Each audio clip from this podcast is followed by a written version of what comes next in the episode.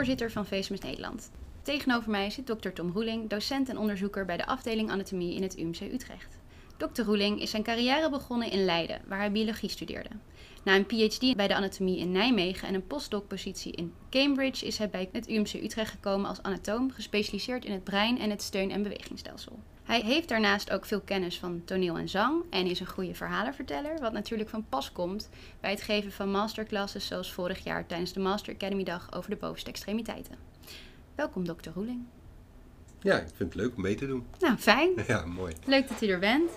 Ik wilde beginnen met een, uh, nou, misschien een makkelijke vraag. Droomde u er altijd al van om anatoom te worden? Nou, dromen niet eigenlijk. Uh, ik weet niet wat ik droomde toen, vroeger, toen ik nog een klein jongetje was. Wat ik wel weet, uh, is dat toen bij het opruimen van het huis van mijn moeder, die toen overleden was, er een oude doos tevoorschijn kwam. En daar kwam een oud werkstuk van mij tevoorschijn uit de zesde klas, dat is tegenwoordig groep 8. Mm En dat was een hele grote scriptie over de anatomie. Ik wist niet eens meer dat ik dat gemaakt had. Maar dus blijkbaar in de, op de basisschool had ik al interesse in de anatomie. Mijn vader die was uh, paardrijinstructeur en uh, die had er een grote lol in om de paarden te zien als fysiotherapeutisch object. Die wist heel veel over botten en over spieren en over hoe je spieren moest kunnen trainen uh, bij paarden. En dat vond ik geweldig. En toen hij op een gegeven moment een keer bij een training beschikking kreeg, mocht lenen een schedel van een paardenhoofd, vond ik dat helemaal geweldig. Dus eigenlijk dus, toch wel vanuit huis uit. Dus eigenlijk is dat wel een beetje. Ja, goed. Oké, ja, nee, prima. Dat, dat was ook inderdaad zo. Um, nou ja, toen, toen probeerde ik diergeneeskunde te studeren, maar toen werd ik uitgeloot. Dat was toen nog een lotingstudie. Ben ik biologie gaan studeren en eigenlijk in het eerste jaar kreeg ik meteen al uh, um, een college over de functionele morfologie. Dus dat is eigenlijk functionele anatomie, maar dan van het hele dierenrijk. Biologen die zijn broad-minded, zullen we maar zeggen. En er was een, een, docent en die liet me gewoon heel simpel zien: als je een structuur ziet, kun je daaruit een functie herleiden. En als je een functie weet, dan zou je daaruit een structuur kunnen herleiden. Die dingen zijn, zijn, ja, die hebben iets met elkaar te maken. Ik vond dat geweldig. Dus toen, van eigenlijk vanaf het eerste jaar van biologie, uh, was ik eigenlijk al op weg om, ja, dan zeggen, morfoloog te worden. Uh, maakt mij niet uit of het van een, uh, een, een, een, dier was of van een mens. En later is dat later naar de anatomie gegaan. Dus ja, ergens in mijn levenspad zijn er elke keer weer momenten geweest dat ik gefascineerd werd door, ja, door de anatomie. Ja. En de relatie tussen, eigenlijk, dat vind ik het belangrijkste, tussen functie en vorm. Je kan ook naar anatomie kijken als hoe je naar aardrijkskunde zou kijken, van dat overal alles een plek en een naam heeft, maar dit is eigenlijk een hele andere. Uh, ja, de, de, anatomie is, ik meen dat dat zelfs een paar honderd jaar voor Christus al begonnen met het geven van namen aan allerlei lichaamsdelen. Dus ze hebben heel veel de tijd gehad om heel veel namen te verzinnen. En dat is ook wat studenten, wat je vaak van studenten hoort als ze de anatomie moeten leren. Oh ja, oh ja, dat is echt. Anatomie is gewoon heel veel stampen.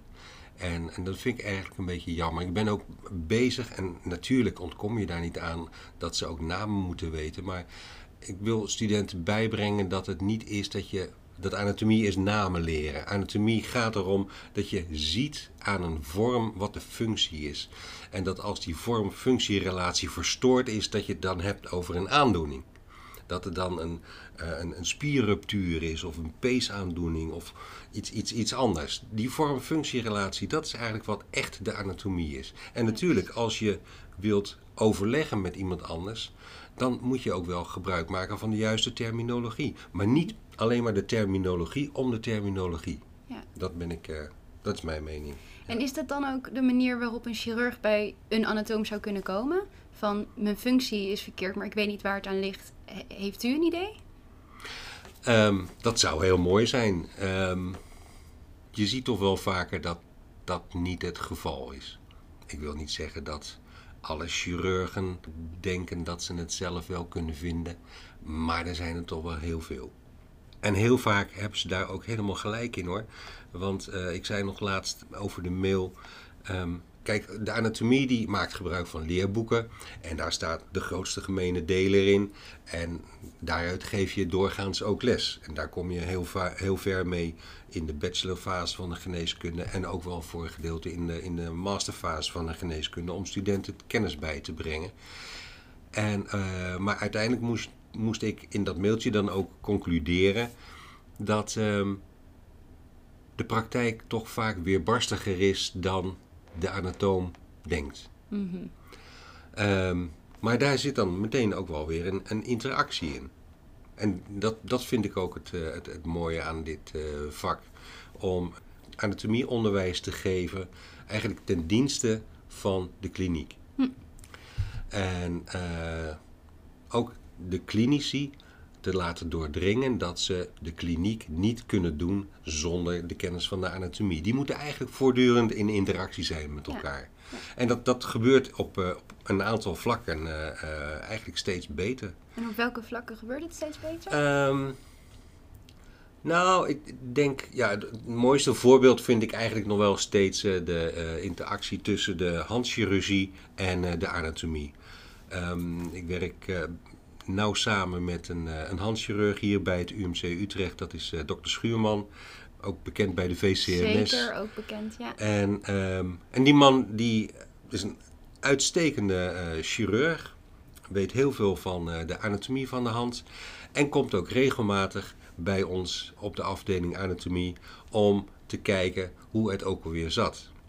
Ook de, de cursus die we samen draaien voor tweedejaars geneeskundestudenten, de keuzecursus hand, draait eigenlijk voortdurend om de interactie tussen klinische aandoeningen en de onderliggende anatomie. En hoe je de onderliggende anatomie nodig hebt om klinische aandoeningen, om die te verhelpen. Met peesplastieken of met eh, andere eh, chirurgische technieken. Dus dat is, dat is eigenlijk de manier waarop ik vind dat anatomie ook zijn rol heeft binnen een, eh, eh, een medisch eh, centrum en een medische opleiding. ja. Ja. Ik merk zelf in de leerboeken, als ik anatomie bestudeer, dan zijn het voornamelijk Latijnse namen. En dan kom je op OK en dan opeens hoor je afkortingen en Engelse benamingen. Is er ook echt daadwerkelijk een verschil tussen de chirurg die naar de anatomie kijkt of de anatoom? Of blijft het echt alleen maar bij andere namen? Nee, er is wel een verschil. Ehm, als ik eh, denk aan mezelf als anatoom of als geïnteresseerd in de anatomie van eh, eh, het menselijk lichaam, dan wil ik graag begrijpen hoe het eruit ziet. En dan is mijn snijden heeft als doel om dat te ontdekken.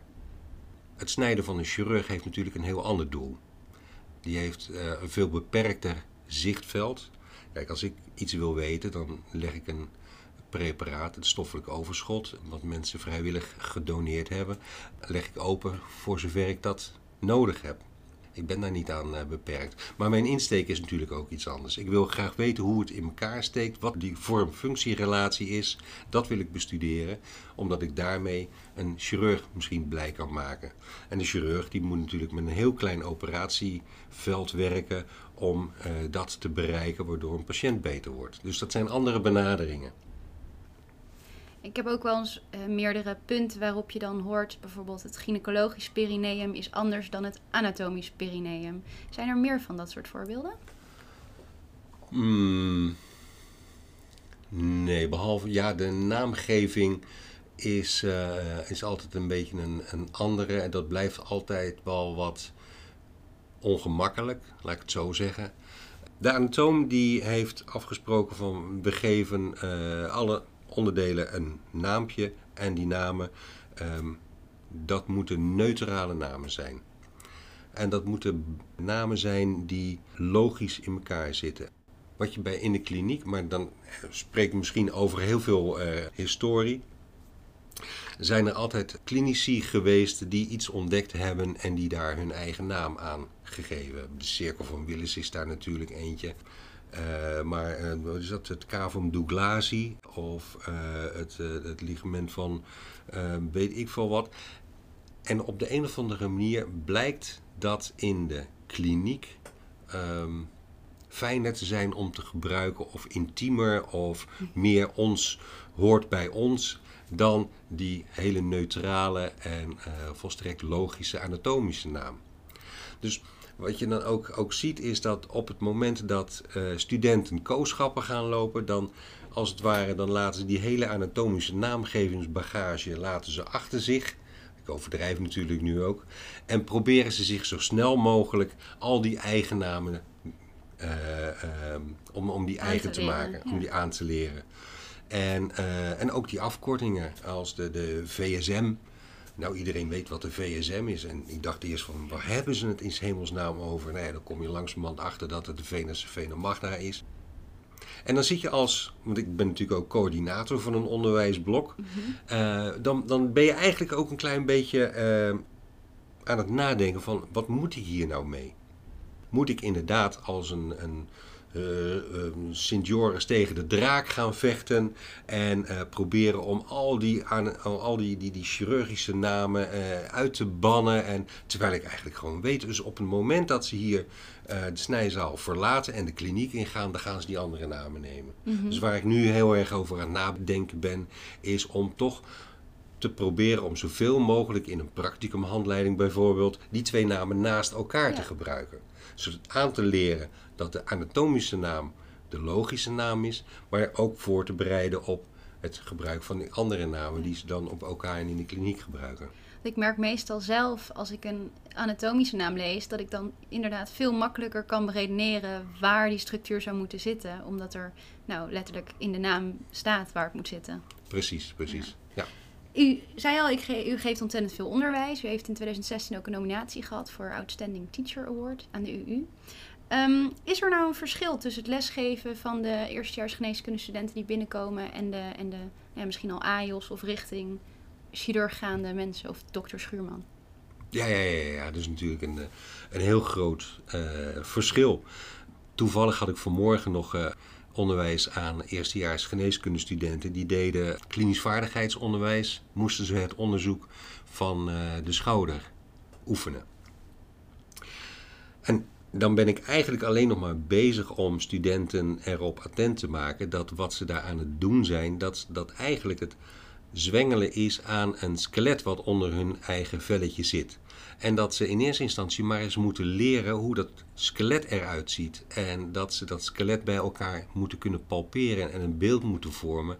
Dat wat ze aan het doen zijn, dat dat eigenlijk uh, anatomiebedrijven is.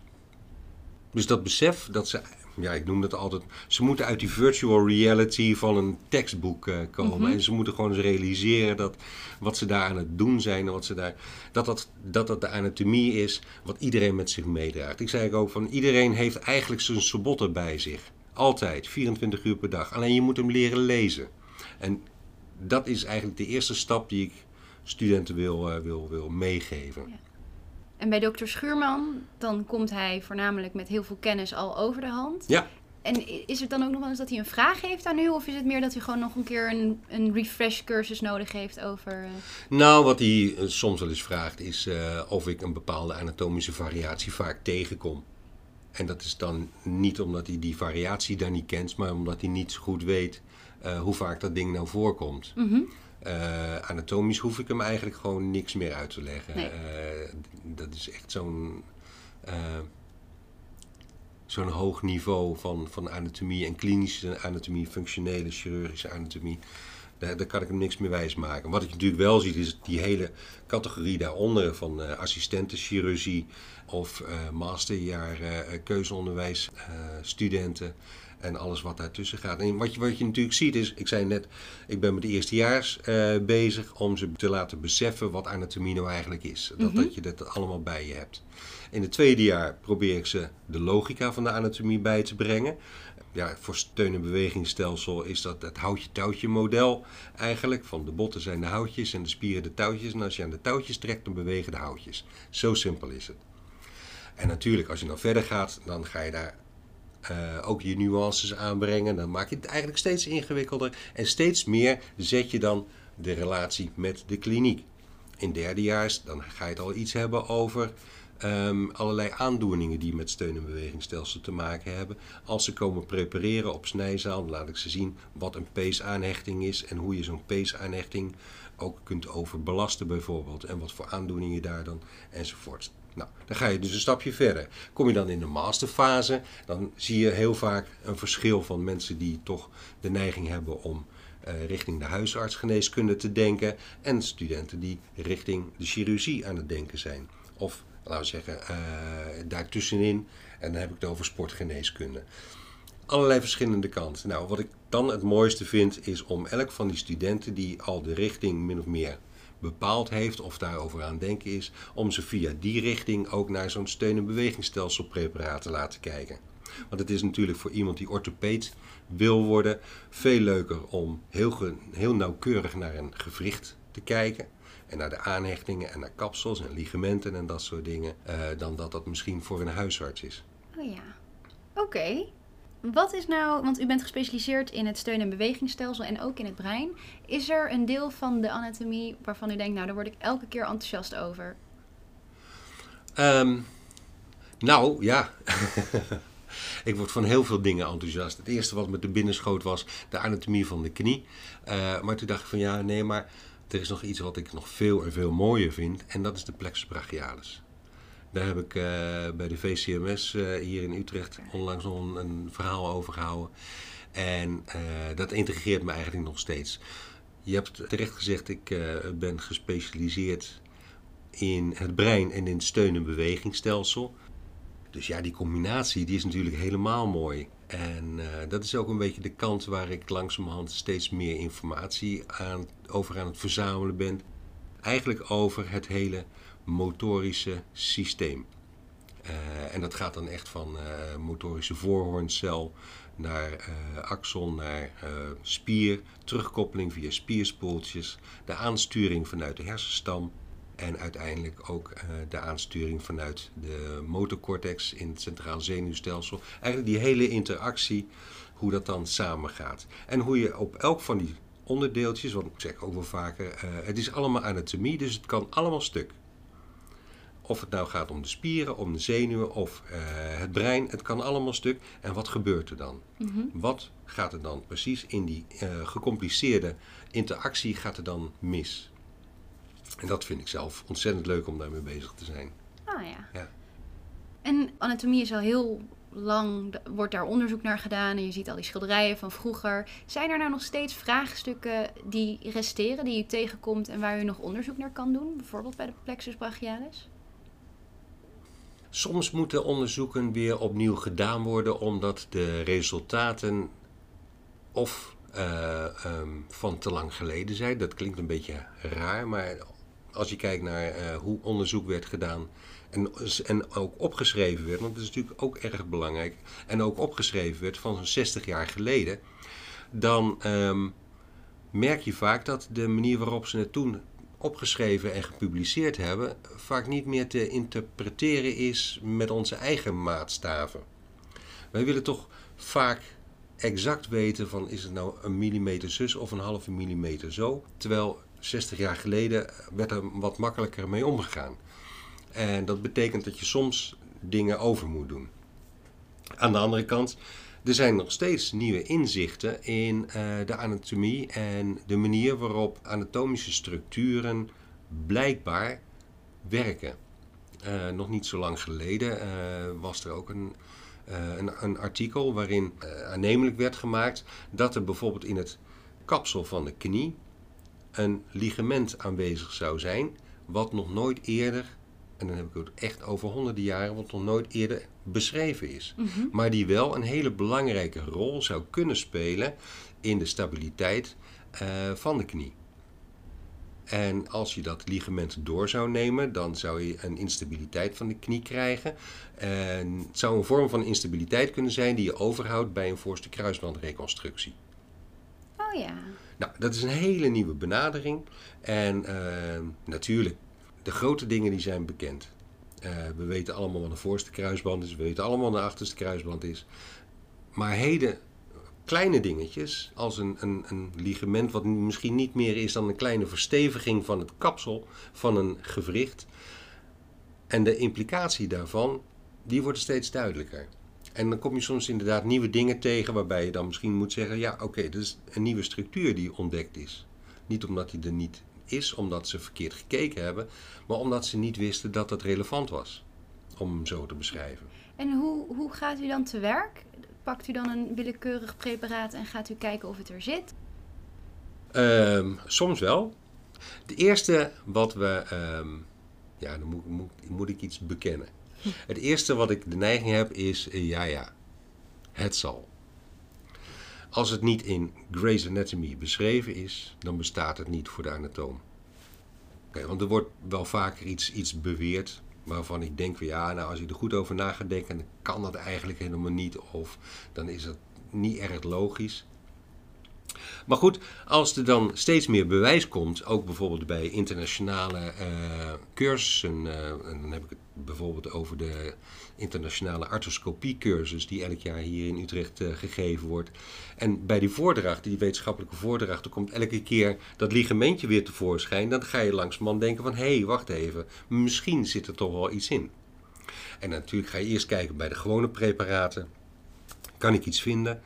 En, maar als het gaat om sommige hele fijne kleine structuren, dan zul je die in een formuline gefixeerd preparaat niet vinden. En dan moet je andere dingen gaan bedenken. En dus dan moet je eerst gaan bedenken van oké, misschien dan met een ongefixeerd preparaat. Uh, of een vers preparaat of een, uh, wat je daar ook uh, voor naam aan mag geven. Omdat je dan soms wel eens vindt dat daar dan wel die structuur in te vinden is. Ja. En dan ga je eens kijken, van, ja, kan die inderdaad doen wat hij doet? Of wat ze zeggen dat hij doet. En dan ga je, bij wijze van spreken, dan ga je eraan trekken. Nou, als het kapot gaat, dan kan hij natuurlijk nooit de stabiliteit geven waarvan ze beweren dat hij die stabiliteit moet geven. Dus op die manier, je neemt niet altijd meteen voetstoots iets aan, maar je blijft er wel voor openstaan dat het misschien wel iets zou kunnen zijn. Mhm. En ja, en dat vind ik ook erg leuk. Om uh, op die manier dus met de chirurgen, uh, dus de orthopeden in, in mijn geval, maar bijvoorbeeld ook met de sportartsen. Of ook een hele mooie categorie uh, om mee te praten met de fysiotherapeuten. Want dat zijn natuurlijk ook mensen die voortdurend elke dag met het steun- en bewegingsstelsel bezig zijn. Die daar ook te maken krijgen met klachten, die er ook krijgen met therapieën die blijkbaar werken zonder dat ze weten waarom het precies werkt. Maar ze hebben wel heel veel theorieën.